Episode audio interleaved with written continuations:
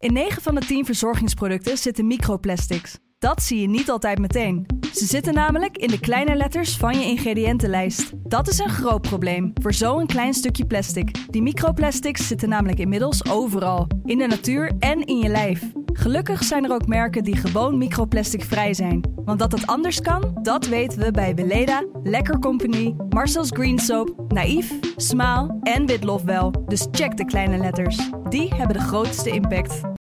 Pensioen driedaagse! Een nieuwe baan, trouwen, een kind krijgen. Wat je ook meemaakt, check nu, heel eenvoudig, op pensioendriedaagse.nl of jij het goed geregeld hebt. Voor later. De Pensioendriedaagse, van 1 tot en met 3 november. Een initiatief van Wijzen in Geldzaken. Wat natuurlijk eh, vandaag eh, staat te gebeuren is dat Pieter Omzicht heel lang gaat praten en aan het eind gaat gewoon alles door. En dat, en dat witte vlekken, mag je het wel zo noemen? Is dat politiek ook nog wel eh, correct om dat nu Oh, zo... ja, oh, ja. ja. Witte mannen, blanke mannen. die Ja, blanke vlekken noemen. Nee, witte vlekken is heel correct. Dit is Kwestie van Centen. Een podcast van de Financiële Telegraaf met Martin Visser en Herman Stam. Hartelijk welkom allemaal. Nou Martin, van jou krijg ik altijd het eh, verwijt hè, dat ik eh, onze podcast te slecht voorbereid. Dat jij niet eh inzage krijgt over waar we het gaan, over gaan hebben. En deze keer eh, gaan we het tegendeel eh, merken. Eh, dat weet ik niet, maar we kiezen een onderwerp waar je enorm goed in zit. Ik vind het eigenlijk altijd gewoon heel leuk. Als ik eh, dingen aan jou, weet je, dat het totaal niet voorbereid is. Je hebt een, grote kennis over allerlei onderwerpen. Dan denk ik gewoon, vlak hè? zullen we het over de pensioen hebben? Nee, er is een hele grote, of een belangrijke reden dat we het over de Ja. pensioenen gaan hebben. Want eh, er is nu een debat bezig. Het is, eh Ja. actu kan het eigenlijk bijna niet, eh, deze podcast opnemen.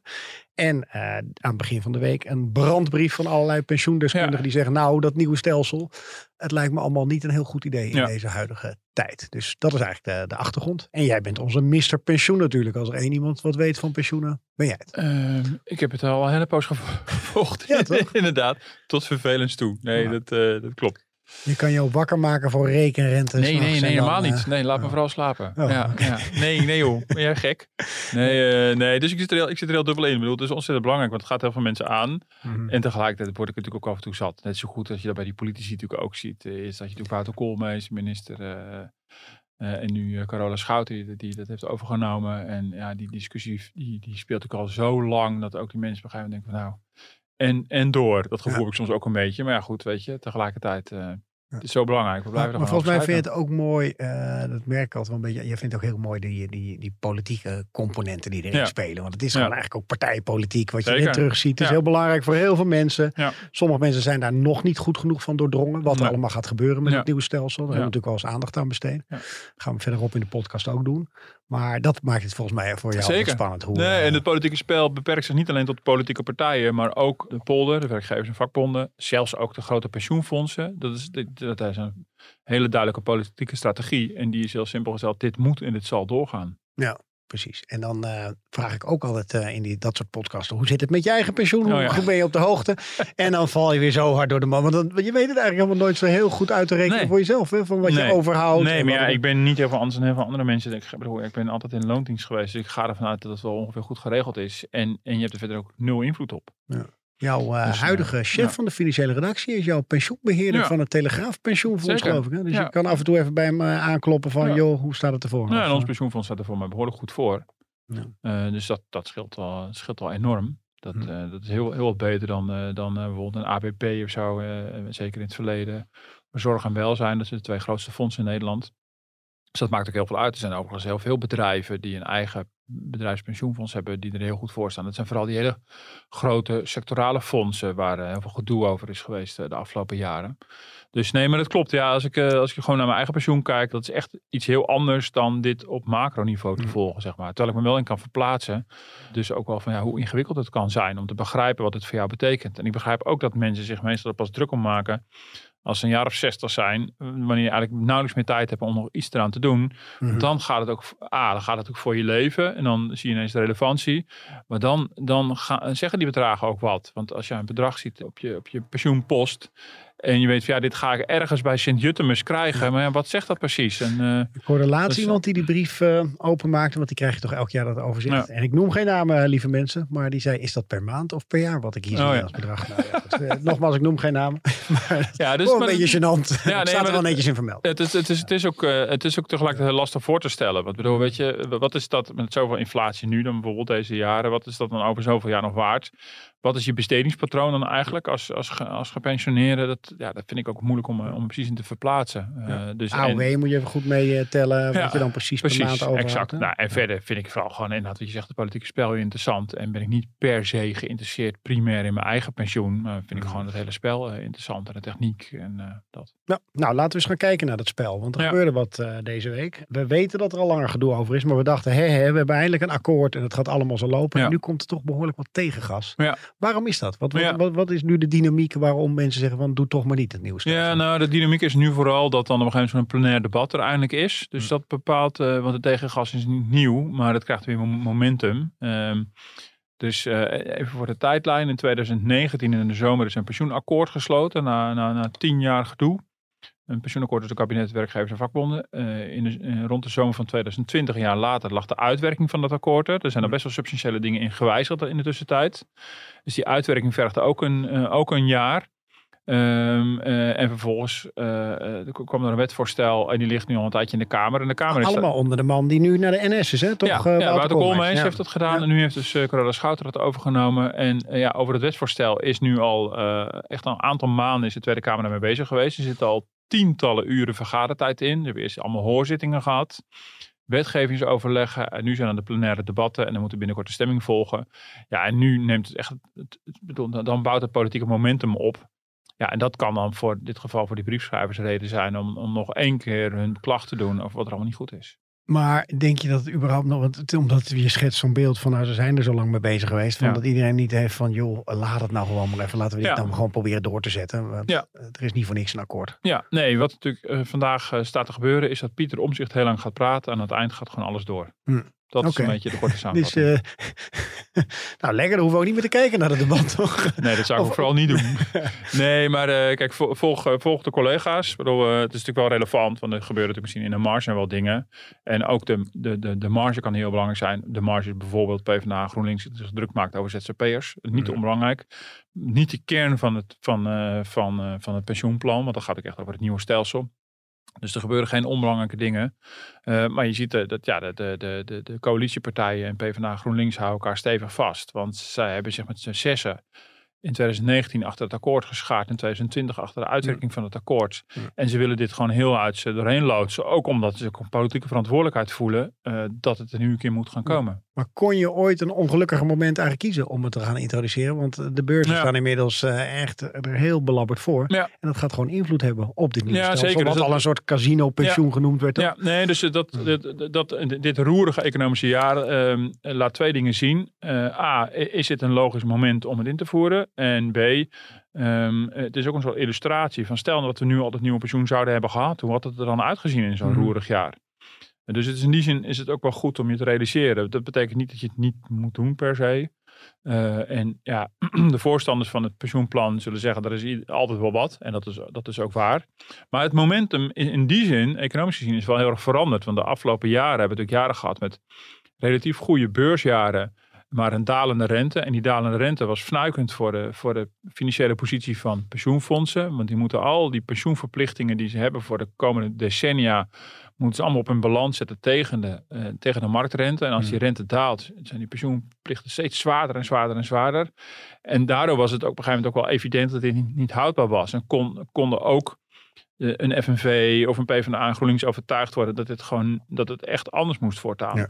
Alleen en kreeg je die ja, boze verhalen over de centrale banken die die rentemarkten lagen. Ja, en, uh, bedoel, en je had dus aan de ene kant dus wel een, een, goed rendement op de beurs, niet ieder jaar, maar gemiddeld genomen wel. En het mm. rendement kon niet worden uitgedeeld omdat de rente daalde en de pensioenverplichtingen steeds zwaarder drukten, waardoor de dekkingsgraden uh, of daalden of op of niet gingen stijgen, niet voldoende gingen stijgen om, om uh, bijvoorbeeld de pensioenen mee te laten stijgen met ja. de prijzen. Dat goede, uh, je hebt groeiende vermogens. Er wordt heel vaak gezegd de pensioenfondsen zijn rijker dan ooit. Dat was dus inderdaad ook waar. Uh, maar ze konden dat niet uitdelen. Dus dat gaf een heel goed argument eigenlijk voor ook voor degene die, die daar veel meer moeite mee hadden, zoals een FNV, om dan toch nog deze oversteek te wagen. Mhm. En nu staan we op het moment om, uh, of we, nu staat de politiek op het moment oh, om daar wij, ook, ja, ook wel.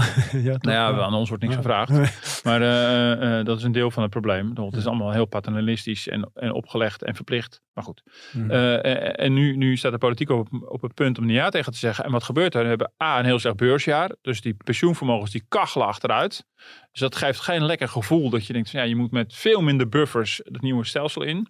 Dus dat aan de ene kant. En de rente stijgt weer. Dus die dekkingsgraden, die gaan nu als een tierenlier. Er ontstaat ruimte om te indexeren. Dus ja, dan is het natuurlijk logisch dat mensen denken, hè, waarom deden we dit ook alweer? Waarom moesten we ook weer uit het systeem? Zelfs een, een, een club als E.ON, uh, uh, onderzoeksbureau, wat gewoon heel zakelijke en geserreerde analyses geeft, uh, die, die, die, die, die, die melden gisteren af, ja, je vraag je bijna af waarom we dit ook alweer gaan doen. Mm.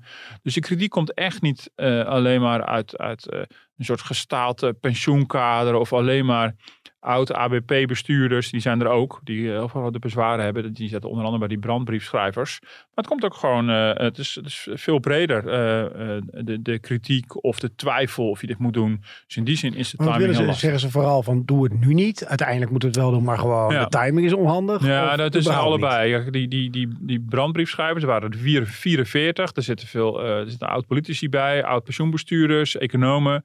Um, die zeggen onder andere van, dit is wel een heel ongelukkig moment. Want in alle rekenmodellen die zijn gehanteerd om door te rekenen hoe, het nieuwe pensioen eruit gaat zien, is er helemaal geen rekening gehouden met dit soort extreme jaren. En nu is bewezen die extreme jaren bestaan. En namelijk met een dreigende recessie en een, een hele hoge inflatie. Dus wat zegt het eigenlijk over jullie rekenmodellen? Uh, want je hebt immers als politiek een koopkrachtig pensioen beloofd. Kan je die belofte wel waarmaken? Maar je proeft dan alles. De, de, de, de kritiek in die brief is zo breed en zo fundamenteel. Uh, ze zeggen ook dat de, de uitvoering gaat een ramp worden. Uh, er zijn doelen gesteld aan een pensioen die niet haalbaar zijn. Dus, dus de, de kritiek is eigenlijk veel, veel breder. En er zit in die zin zit er voor elke briefschrijver, elke ondertekenaar wel wat van zijn eigen gading in. Dus het is inderdaad van, kijk uit om het nu te doen, maar ook wel duidelijk van, voor mij moet je het überhaupt niet op deze manier doen. Ja. En nou ben jij eh, dol op je rekenmachine altijd, want dan komt zo ook nieuws over die, uh, van die briefschrijvers. En dan ga je volgens mij zelf zitten berekenen van wat was er dan gebeurd uh, dit jaar. Ja. daar had je verhalen over vanochtend. Ja, nou, daar heb ik gelukkig niet zelf uit hoeven rekenen. Oh, dat is actuaris.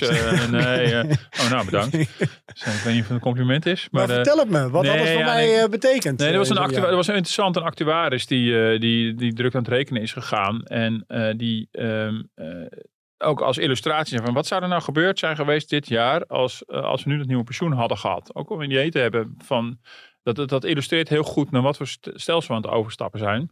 En die zei van op basis van de resultaten van het eerste halfjaar, de beursresultaten en de rentebeweging, eh, zouden de pensioenen van ouderen met 3,5% zijn gekort in het eerste halfjaar. Dus nou, eh, misschien wel keer twee over het hele jaar, dat, dat weten we niet. Hm. Maar dat waren, dat waren zijn berekeningen. En dat komt omdat we nu toegaan naar een pensioen. We, hebben nu, we zitten nu in een pensioen met een, uh, waarbij iedereen echt een pensioenrecht heeft en een pensioenaanspraak.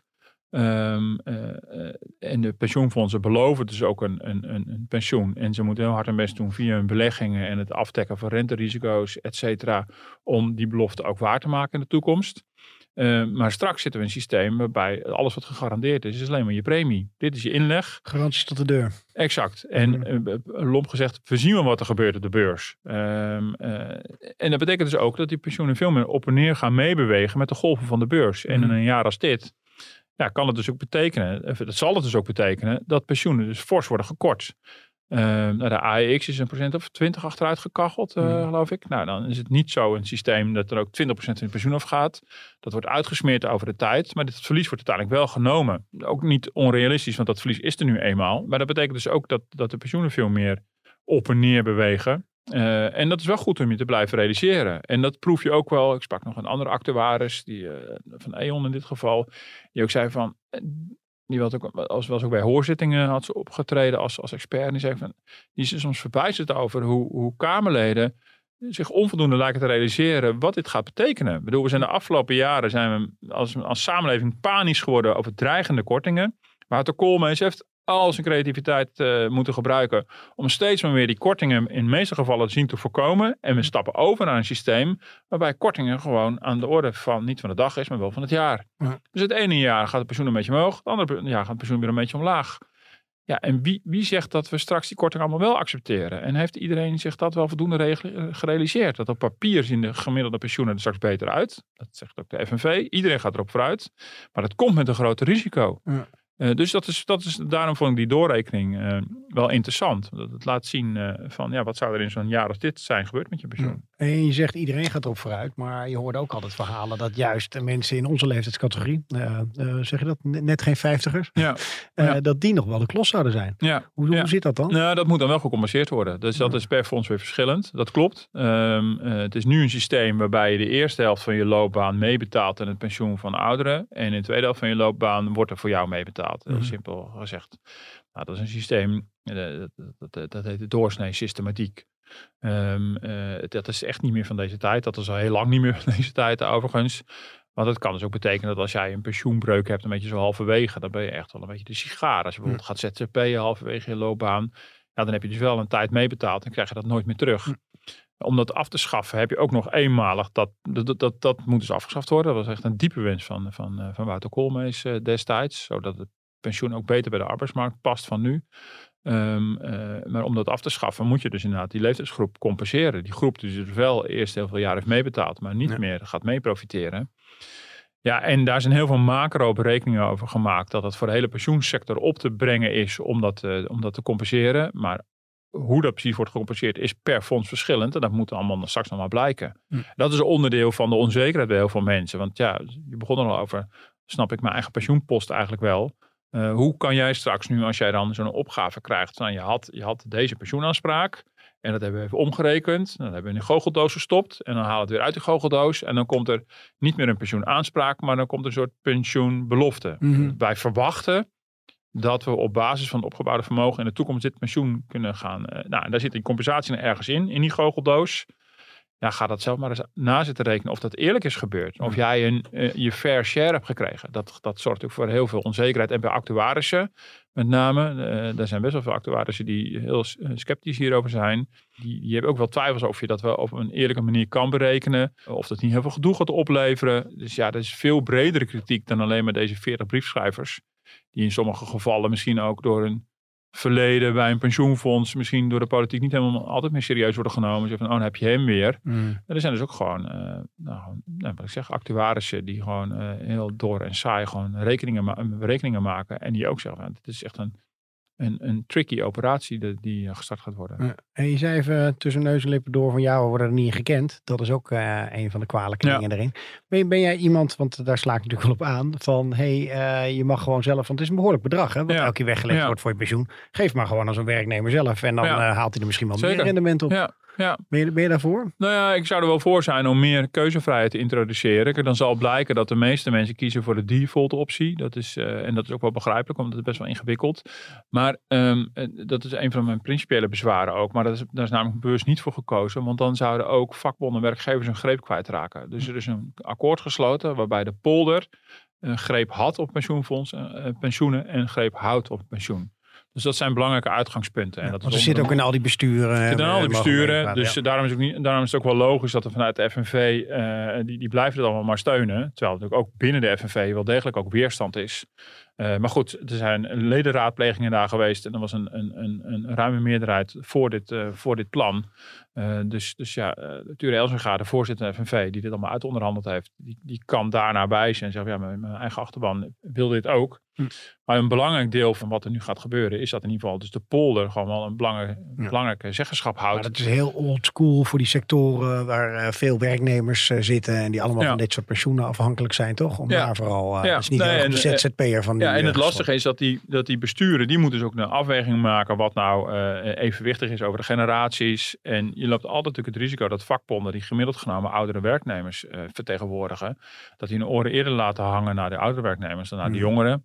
Uh, dus ja, ik, God, dus die moderniseringsslag is bepaald niet gemaakt. Hmm. En ik denk dat er wel, Wouter Koolmees daar wel verder had willen gaan. Maar die heeft gewoon zijn verlies genomen. En gedacht van, nou ja, weet je, ik ben in ieder geval halverwege gekomen. Dat is al beter dan dat ik helemaal niks had. Ja. En dat zie je, dus dit is echt een, dit is nou echt een klassiek glas half vol, half leeg verhaal. Waarbij ik denk dat, dat de, de, betrokken politici alle kritiek ook wel zien en begrijpen. Maar denken, ja, maar beter dit dan niks.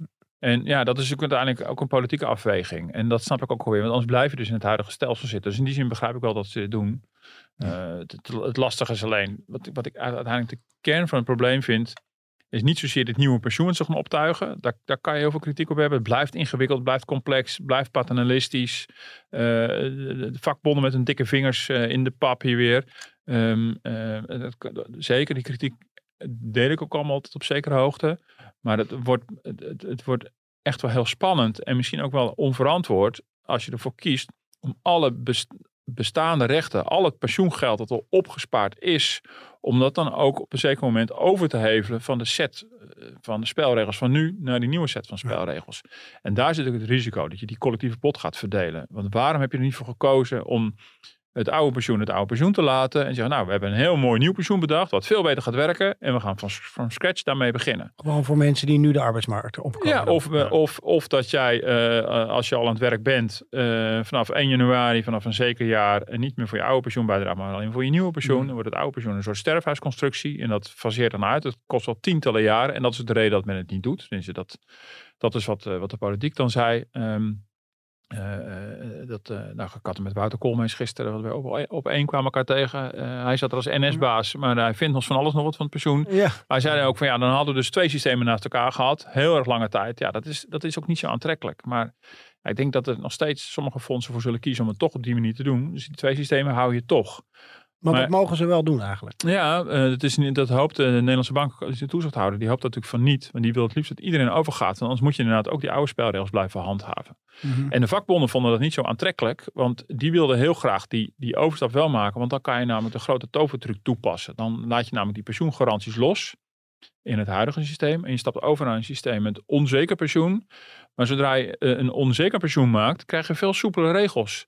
Dan hoef je niet meer die hele strenge rekenregels toe te passen. Maar dan mag je gewoon uh, uh, met hele soepele regels te werk gaan. En dan ziet het op papier er allemaal veel beter uit. Dus uh, lees, dan is het voor hun wat oudere leden heel aantrekkelijk. Want dan kunnen ze in één keer voor die groep een mooi bedrag nemen. Ja, ja, en dan kan je meteen gaan indexeren, was ja. het idee. Alleen, we gaan dus nu al indexeren in het oude systeem. Dat was natuurlijk niet de bedoeling. Ja. De bedoeling was dat het, het oude had heel slecht moeten zijn. Het had heel slecht moeten zijn. Het hele oude systeem had totaal uh, van de rails moeten rijden. Mm -hmm. uh, en, en ja, op de valreep gebeurt dat nu ineens niet. En tot, tot, ja, dat had ook niemand zien aankomen. En dan, uh, ja, dus dat is, dat is de reden dat, dat er ook politieke belangen mee zijn gemoeid om al dat pensioengeld echt over te hevelen. Maar daar zit de kwetsbaarheid van, de, zowel in de uitvoering. Ik hoor echt heel veel geluiden over. Hebben we wel voldoende mensen die dit gewoon technisch ook kunnen begeleiden? Hm. Het is echt een operatie zonder maar je weergaan. bedoelt echt puur dat geld overbrengen op een andere... Ja, nee, niet een, uh, ik heb het steeds over overhevelen alsof je geld verplaatst. Dat is natuurlijk niet zo. Maar je moet, dat is wel een, een, een, een administratieve uh, en technische en ook juridische operatie om op een juiste manier al die berekeningen te maken. Uh, en ook, ook een ICT-operatie. Je gaat ook een heel nieuw ICT-systeem ervoor voor, voor klaarzetten. Dus, dus dat. Kijk, je hoeft niet echt letterlijk geld te verplaatsen. dat dan weer niet. Dus dat zeg ik dan wel huiselijk. Maar, dus, dus dat aspect is, hoor ik van heel veel kanten. Nou, moet maar zien of daar de bemensing allemaal voor is. Dat dat allemaal gaat lukken. Dan heb je dus ook nog de risico's van alle juridische claims die er mogelijk gaan komen. Wat ook nog jaren gaat slepen. Uh, en verder de, de financiële kwetsbaarheid die je hebt van accepteren we met z'n allen het bedrag wat je straks op je papiertje ziet staan? Uh, vinden, we, vinden we dat eerlijk? Hebben we dan het gevoel van, oh ja, maar nu is het wel eerlijk. We vonden het een rotsysteem en nu zijn we blij. Ja, ja ik waag dat ten zeerste. hoeveel tijd hebben ze er allemaal dan voor? voor dat, uh, nou, wel re relatief lang. Het is wel wat korter geworden. De, de wet moet, zou in moeten gaan op 1 januari. Dat is uitgesteld. Wordt 1, juni, 1 juli 2023 en dan moet uh, in 2027 moet alles over okay. zijn. Dus het is een, een, een transitieperiode van een paar jaar. Um, en dat is ook wel nodig ook. Maar ik hoor ook wel geluiden dat ook sommige, sommige grote pensioenfondsen nog heel veel werk te verrichten hebben om dat allemaal te doen. Is een hele grote operatie waarbij er heel veel vragen opkomen. Waarbij je ook genadeloos aanloopt tegen uh, uh, als pensioenfonds er tegenaan loopt als jouw administratie gebrekkig blijkt te zijn. Um, uh, het, ja, het lijkt me ook, als ik het zo aanhoor, uh, moeilijk voor hele kleine fondsen. Omdat je ja. nog veel meer met de beurs bezig Zeker. moet zijn. Ja. En weet je, het, het vergt ook gewoon expertise in. Zeker, dus, dus het zet ook wel dingen in gang. Het zal zeker ook ervoor zorgen dat, dat, um, dat, dat, dat die trend wel zal gaande. Dat natuurlijk de kleine partijen zich aansluiten bij hele grote partijen. Het zal voor heel veel pensioenfondsen ook reden kunnen zijn, voor bedrijven reden kunnen zijn om over te gaan stappen naar een verzekeraar. Ja, de verzekeraars die zijn hier wel blij mee. Die ja. weten, dit systeem komt langzamerhand onze kant op. Dat hebben ze ook een keer in een interview openlijk gezegd. En daar zit ook een deel van het wantrouwen bij, uh, bij een deel van de FNV-achterban bijvoorbeeld. Dat je denkt, nou, we gaan dus echt naar een soort marktsysteem. dus, dus, dus, er zijn ook heel veel mensen bij de FNV die juist blij zijn dat, dat die ouderwetse vakbond hier nog een grote zeggenschap over heeft, heeft. En ze zijn bang voor de, ja, voor, voor de, voor de boekenpolisachtige uh, dingen bij, bij verzekeraars. Dat hangt natuurlijk altijd een beetje nog rondom die verzekeraars. Hm. Nou, en misschien ook wel de discussie, wat natuurlijk ook nu speelt bij die pensioenfondsen, van waar stap je wel in, waar haal je dan rendement uit? Ja. Uh, je krijgt steeds meer van die geluiden van, nou, we willen het allemaal zo groen en duurzaam mogelijk doen. Ja. Maar daar zit heel vaak niet eens het hoogste rendement. Nee. En uh, als gepensioneerde heb je wel zoiets van, ja, leuk en aardig dat ze het allemaal in ivoren toren bedenken voor me. Maar ik wil gewoon zorgen dat mijn pensioen goed voor elkaar is. En uh, een stukje bijdragen aan de natuur ook mooi. Maar vooral mijn eigen centjes, toch? Nee, zeker. Je ziet ook de pensioenfondsen eerder geneigd zijn om toch wat politiekere organisatie te zijn, ook op dit vlak. Ja. En ehm, overigens wel ook, ook onder aanmoediging van de Nederlandse bank hoor, eerlijk gezegd. Ik bedoel, de Nederlandse bank waarschuwt er ook voor dat als je bij, bij beleggingsbeleid geen rekening houdt met, met, met dit soort eh, klimaatdoelen en klimaatambities, dan loop je ook het risico dat je te lang blijft hangen in sectoren die geen geen toekomst meer hebben. Dus dat is wel de andere kant. Dat snap ik wel. Dus voor de hele lange termijn kan het ook wel goed zijn op tijd afscheid te nemen van fossiel bijvoorbeeld. Omdat je weet, ja, dat is, daar zit op een gegeven moment in de toekomst het verdienmodel niet meer. Maar goed, ze doen het natuurlijk om andere redenen. Maar, hmm. maar ja, weet je dat uh, een pensioenfonds voor de gezondheidszorg niet wil beleggen in, in sigarettenfabrikanten, begrijp ik zichzelf nog wel. Nee, nee, maar dat is ehm, een heel zwart-wit voorbeeld. Je hebt natuurlijk ook een beetje iets in een grijs gebied. en dat je denkt van ja, zij gaan dan voor mij eigenlijk allemaal bepalen wat in hun ogen goed en fout is. En, ja, uh, en even afgezien van of dat de beste belegging is. Nee, dat, dat klopt. Dus dus, dus dat heb je aan de ene kant. Aan de andere kant heb je natuurlijk ook pensioenfondsen die, eh, die hun eh, beleggers rijkelijk belonen met allemaal bonussen als ze enorme resultaten weten mhm. binnen te hengelen. Dat ligt dan ook weer gevoelig, want we zien het toch als een soort van semi-publieke omgeving. Ja, terwijl, gaat, gaat dat meer worden ook weer? Dat ze daar, omdat dit meer ja, nou, casino-pensioen is, ik noem het nog maar eens een keer, dat, ja. dat, dat is ook mensen die daarbij betrokken zijn meer geld gaan verdienen. Nou, ze zien natuurlijk ook wel dat daar maatschappelijk verzet tegen is. Mhm. Dus uh, terwijl je ook kan zeggen, ja, die mensen krijgen alleen maar die bonus als ze die ook dubbel en dwars hebben verdiend vooraf. Maar uh, dus in die zin, die bonus betaalt zich wel uit. Um, uh, en er wordt ook vaak gezegd, maar krijgen die mensen dan ook een boete als ze het slecht hebben gedaan? Nou, ik denk dat in, als je in die wereld zit, het uitblijven van een bonus, het zal voor heel veel mensen als een boete voelen. Ja. Um, maar ik denk, ja, daar is gewoon veel maatschappelijk verzet tegen. Ja. Um, dus, dus dan zie je ook wel hoe ze zitten te laveren als een soort van semi-publieke organisatie. Ja, maar zit daar niet het risico in ook dat die uh, beleggers dus ook meer risico gaan nemen omdat ze die bonus graag willen ja. hebben? Nee, dat kan. Dat kan. Um, uh, er zijn wel, denk ik wel, strikte risicoprofielen. Um, dus als het goed georganiseerd is, zijn die risico's niet te groot. Maar dat, ja, dat, dat, hoop ik dan maar dat het goed geregeld is. En ik bedoel, in het nieuwe stelsel wordt het ook wel heel duidelijk dat er gewoon per leeftijdscategorie wel een bepaalde mate van risico wordt genomen. Dus mm naarmate de, de deelnemer ouder is, moet het risicoprofiel worden aangepast en de risico's worden verlaagd. Nou, hey, uh, je schetste net al dat mooie beeld, hè? anderhalf uur uh, omzicht die het woord heeft. Ja. Eh, hoeveel invloed, we zaten een beetje te geinen erover, maar is er überhaupt nog een kans dat er wat dingen aangepast gaan worden? Of toch nog een soort... Ja, ik bedoel, er kan misschien wel iets aangepast worden. En bij de PvdA GroenLinks zit dat vooral in wat doen we voor de ZZP'ers. En dan zie je wel beweging onder druk van, van PvdA GroenLinks. minister Schout heeft veel toezeggingen gedaan. Overigens ook veel toezeggingen die al in de pijplijn zaten. Waarom zijn zij daar vooral voor op de eh, gesprongen. Wat is daar uh, qua ZZP voor de P van de A's uh, te winnen? Mm, Als oude arbeidspartij. Het, misschien dat het een ongevaarlijk punt is. Mm. Hoe zeg ik in al mijn cynisme. Mm. Um, en dat ze denken van nou, dan, dan klinkt het heel ferm. Maar uiteindelijk is het, is het een bijzaak. Maar dat is een belangrijke bijzaak. Nee, het is, ik bedoel, aan het pensioendossier zijn meerdere dingen opgehangen. Dus ook, ook door de vakbonden trouwens. Dus een minder snelle verhoging van de AOW heeft het dus afgedwongen. En dat is ook gekomen. Dus het is, die stijgt ook minder hard dan aanvankelijk de bedoeling was.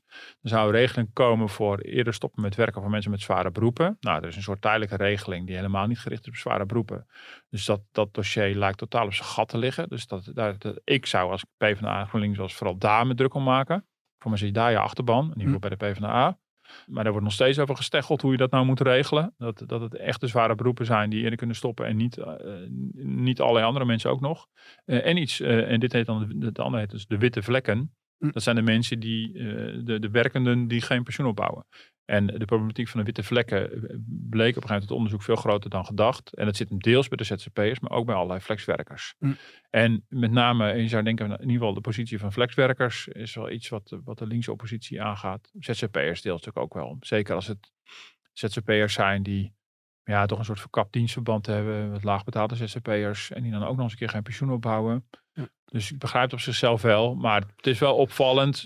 Politiek... En, dat, dat, witte vlekken, mag je het wel zo noemen? Is dat politiek ook nog wel uh, correct? Omdat nu oh, zo, ja. Uh, oh, ja. witte mannen, blanke mannen. Ja, die blanke vlekken noemen. Nee, witte vlekken is heel correct. Dus uh, nee, dat, dat, dat mag gewoon. Ja. Dus hmm. nee, dus dat heet altijd al witte vlekken. dus dat is, dat is, dat is geen woke term of zo. voor het geval je daarop aanslaat. Dus nee. Nee, nee, die associatie had ik zelf nog helemaal niet gemaakt. Maar, uh, nee, nee, dus maar, ik bedoel, ik snap wel dat bedoel, het is ook wel belangrijk dat daar, dat daar wat gebeurt. En dat snap ik mhm. ook allemaal wel. Tegelijkertijd denk ik, ja, uh, in de tijd van Wouter Koolmees zijn er experimenten gedaan. Of er zouden experimenten gedaan worden met allerlei pensioenmogelijkheden voor ZZP'ers. Nou, die experimenten die zijn helemaal op niks uitgelopen. En ik zie eigenlijk nog niet zo goed hoe dat nu wordt opgelost voor die ZZP'ers. Er zijn ook allemaal doelstellingen over het mhm. aantal mensen dat pensioen opbouwt in Nederland. Uh, iedereen krijgt op zijn loonstrookje, als het goed is straks, uh, te zien of je wel of niet pensioen opbouwt. Dus het, in de communicatie wordt het, in de awareness wordt het mm. gezocht. Oh. Ja, dus ik, ik, ik, moet nog maar zien. Maar het is wel opvallend. Ze kiezen dus wel een heel duidelijk thema. Dat dus, uh, waar, nou, waar, ze dan heel hard op de trom kunnen slaan. Mm. En dan kunnen ze echt, voor de bühne kunnen ze de minister dan dwingen tot allerlei concessies. Maar ja, ze, ze lopen niet tegen de kern van, van de zaak aan. En dat mm. doet Pieter Omzicht met name. Maar ja, dat is een eenpitter. Ja. En die slaat weer zo door in alle alle techniek en alle details. En die heeft eh, honderdduizend miljoen vragen gesteld aan het ministerie. Die worden helemaal knetterkrankjorum uh, van wat hij allemaal doet. En hij heeft op heel veel punten best een punt. Maar slaat er weer zo ontzettend in door dat hij heel makkelijk een beetje afgedaan kan worden. Van achter heb je Pieter Omzicht weer. En dat mhm. is wel zonde. Want het is toch wel een van de weinige Kamerleden, denk ik, die echt een fundamenteel punt maakt van... Nou, weten we echt wel zeker zijn de berekeningen wel op orde? Hebben we met alle scenario's rekening gehouden? Weten we wel zeker dat hier niet straks in de toekomst een enorm financieel drama uit gaat ontstaan? Als je ze al dat pensioen gaat, gaat overhevelen van het een naar het ander. Ja, dat zou wat mij betreft de kern van het debat moeten zijn. Respect voor zijn werklust trouwens, die we allebei zeker. kennen. Want hij gaat er echt zelf ook nachten in door. Volgens zeker. mij, uh, zo staat hij bekend. Maar goed. Hoe vind jij echt de rol van uh, Schouten er hier in, uh, in dit hele debat? Nou, die heeft natuurlijk een lopend dossier overgenomen van, van Wouter Koolmees. En, um, en um, nou ja, weet je, ze heeft natuurlijk, uh, ze is natuurlijk heel lang financieel woordvoerder geweest bij de ChristenUnie. Uh, zit uh, meermaals rechtstreeks aan tafel gezet bij kabinetsformaties als echt een financiële specialist van de ChristenUnie. dus ik denk dat Koolmees ook wat het gevoel heeft dat het bij haar wel een goede handen is. Dat is zo mooi dat ze in ieder geval ook de portefeuille dan ook nog armoedebestrijding erbij heeft. Van als het misgaat, dan ja. kan ze meteen door naar het volgende ja. pakket. Maar tegelijkertijd is er ook voor haar niet heel gek veel eer aan te behalen. Behalve dan dat deze trein op de rails te houden. Mhm. En ja, voor, voor zover ik dat kan overzien, uh, doet ze dat redelijk behendig. En dat is eigenlijk niet eens eh, echt aan haar, waarschijnlijk meer aan Rutte. Van luister, als coalitiepartijen gaan we in ieder geval hier achter blijven staan, toch? Ja, nou, ja, voor mij, uh, Rutte is toch de man die alles delegeert. Hè? Bedoel, die heeft er bij, op, op, spannende momenten bij de onderhandelingen is hij wel bij betrokken geweest. Maar verder laat hij het voor mij ook wel. En nou, voor mij gaat het politiek gezien allemaal wel heel gesmeerd en, en, en, en behendig. Ja, behalve dan dat er toch wel heel veel onduidelijkheid is blijven bestaan over, eh, over allerlei doorrekeningen en modellen. En uh, ook, was er ook een doorrekening waar fouten in zaten. Er moest ook weer herroepen worden. Er is een, commissie aangesteld. Uh, in zoveel tijd is een commissie parameters heet dat. En die kijkt ook naar de modellen en welke scenario's moet allemaal rekening mee houden. Nou, die commissie die gaat pas na de stemming in de Tweede Kamer. Komt die met, met een rapportage. Maar ja, omdat er die brede steun is van vier coalitiepartijen en twee oppositiepartijen. Die twee oppositiepartijen zeggen officieel nog geen steun toe, maar in de praktijk hmm. zie je dat al wel gebeuren. Um, um, laveert ze daar gewoon doorheen. Het wordt spannend in de Eerste Kamer. Dus het kan spannend gaan worden. Dat is een beetje het onduidelijke. Want de PvdA en GroenLinks... Gewoon door de, de zetelverdeling. Ja, want de PvdA en GroenLinks heb je in de, in de, Tweede Kamer eigenlijk niet per se nodig. Mhm. Eh, behalve dan dat je zeker wil zijn dat ook bij een volgend kabinet ook een potentiële PvdA-minister, als die er weer zou komen, ook zich gecommitteerd voelt. Dus dat is van belang. Maar je hebt ze vooral in de Eerste Kamer nodig. En de vraag is natuurlijk even uh, of de Eerste Kamerfractie zich net zo gebonden voelt aan, aan het akkoord als de Tweede Kamerfractie. Ja, ja. En uh, wanneer staat dat op de rol? Ja, dat moet snel. Dat moet allemaal voor de Provinciale Statenverkiezingen. Dus uh, die is in het voorjaar. Dus dat is wel, dat is wel van belang. want dat hoor je wel heel sterk van als, als het als het niet afgekaart kan worden voor de Provinciale Staten. En daarmee wordt ook de Eerste Kamer herverkozen. dan is het al een uh, riskante zaak. Want als dan de stemverhoudingen totaal veranderen in de Eerste Kamer. Ja, dus dat is wel de, die, nog een paar maandjes uh, rente omhoog en de beurs die nog in malaise blijft en uh, de druk wordt alleen maar groter. Ja, maar mijn gok is tot nu toe uh, dat, ehm, dat dit allemaal politiek gezien goed gaat komen voor dit wetsvoorstel. Kijk, doe je toch gewoon een voorspelling zonder dat ik... Ik doe gewoon zomaar een voorspelling. Zalig.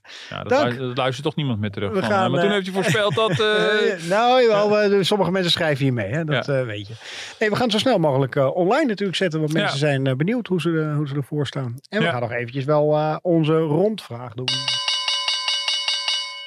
nog iets luchtigers in de pen? Ik heb hier zeker iets luchtigers. Ja? Oh. nou ja, luchtig. Ik weet niet of het luchtig is, maar niet zo'n heel andere aard. Ja, ik vind het heel leuk. Uh, zaterdag verschijnt mijn interview met Jan Siebelink. Ja. Ik vind dat vind ik wel even... Het is, het is, ik heb hem al een week geleden gelezen, want ik zat jou achter je broek van, kan je het al klaar hebben? Want we hadden een gaatje in de krant, maar nu komt het zaterdag. Ja, dus uh, dat vond ik ongelooflijk leuk. Ja, ik vind het echt heel leuk dat ik zo nu en dan uh, heel andersoortige interviews voor de krant mag maken dan financieel-economische. Je kan me wakker maken voor de rekenrente, mm maar ook voor een goed boek. Dus uh, nee, het was een heel mooi gesprek over hoe hij heeft een nieuw boek uit. En hij blijft maar bezig over zijn eigen jeugd en over zijn eigen vader. En ik vind het fascinerend hoe mensen dat op hoge leeftijd ja, met hun eigen levensgeschiedenis bezig kunnen blijven, met blijven worstelen. En van mij, ja, ik vond het een heel leuk gesprek. Echt leuk. Ik was bij hem thuis geweest. En uh, ja, echt ongelooflijk leuk om te doen. Dus ik hoop dat het een beetje afstraalt in het interview. Dat is zaterdag nou, dat is gebeurd. Leuke baan toch? Een soort kind Zeker. in de snoepwinkel. Dat je dat ook Zeker. nog even uh, erbij kan doen. Dus. Dat is mooi. Ja, en jij nog een mooie sportwedstrijd nou, aanbieding? Nee, ik wilde eerst over de NS beginnen. Want irriteer ik me gewoon enorm aan die hele discussie. En uh, nog minder uh, treinen laten rijden. Oh, ja. En dan zeggen van ja, nee goed, dan uh, kunnen we ook niet meer zeggen dat ze niet ja. op tijd zijn. Ja. Je wilde net gaan overstappen van de auto op de trein, maar dit weerhoudt je er dan weer van. Nou, en toen we het even over... Ja, nou, nee, nee. Je zit helemaal nooit in de trein. nee, ik ben heel pro-auto. Doordat hebben mensen ja. wel door die wat langer deze podcast luisteren. Ik ben ook, ik vind het prima, ze zoeken het allemaal maar uit. Maar ik denk, hoe onnozel kan je zijn? Kaartjes steeds duurder, treinen niet meer rijden. Weet je, hoe slechte PR kan je hebben? En ik begin inmiddels wel een beetje te denken, gooi die markt maar open, want er kunnen vast een paar andere bedrijven wel uh, beter. Maar dat gaat een zootje worden, jongen. Ja, dus, uh, er komen allemaal partijen uit het buitenland die het ook niet leveren, of die misschien staatsgestuurd ook zijn. Dus ik snap ook wel de problemen daarin. Ja. Maar ik denk, nou ja, goed, we hebben groot vertrouwen misschien wel in Koolmees, die dit huzaren stukje met de pensioenen heeft uh, voor elkaar gekregen. Dus nou, wie weet. Maar het komt bij mij heel erg zoals Schiphol over, weet je wel. En dan moet geloof ik nu het kantoorpersoneel kaartjes gaan knippen. Nou, maar goed, ik heb het beeld helemaal voor me. Jij zit in de auto onderweg naar je werk, radiootje aan. en er komt weer een nieuws over treinen uitvallen. En jij moppen de mopper. En je trapt het gaspedaal nog wat verder in. Van die klote treinen in Nederland ook. Voor mij moet iedereen in de trein gaan zitten. Dan kan ik tenminste lekker op tijd naar mijn werk. Zonder file. En ze gaan maar allemaal lekker de gang. Oké, okay. nee, maar dan is het eh, beeld even duidelijk. Ja, precies. Ik uh, doe me niet beter voor dan het, uh, dan het is. het is wat het is. Ik denk dat we moeten stoppen. Ik zit ook nooit in de trein trouwens. Nee, daarom. Ik wil hem niet terugkaatsen. Um, dat was hem. Hè? Ja. U kunt uh, mailen naar uh, podcast.dft.nl. Duimpjes. Uh, Martin, heb je nog een tip voor de duimpjes? nee, ja, gewoon laat je review achter op de podcast app. Dat is, daar zijn we beter vindbaar en dat vinden we leuk om te lezen. En we hebben het eigenlijk helemaal niet over onze pensioen driedaagse gehad. Die hier in huis nu georganiseerd ja. worden. Waar mensen allemaal vragen kunnen sturen. Dus ja, dat kan nog zo, donderdag nog. vandaag nemen we het op op woensdag. Het komt als het goed is ook vandaag online. Dus het kan ook donderdag nog kunnen, op de site vind je dat op dft.nl. Ja. Uh, vragen ingediend worden. Allemaal pensioenexperts zitten hier drie dagen lang, dinsdag, woensdag, donderdag in huis. Om allemaal gewoon persoonlijke vragen te beantwoorden over je pensioen, weliswaar. Niet al te persoonlijk, maar over jouw pensioen. Ik wil meer pensioen. Ja, bijvoorbeeld. kan dat kan een vraag zijn. Ja. Hartstikke mooi. Doe dat ook. Uh, bedankt voor het luisteren. Tot volgende week. Tot volgende week.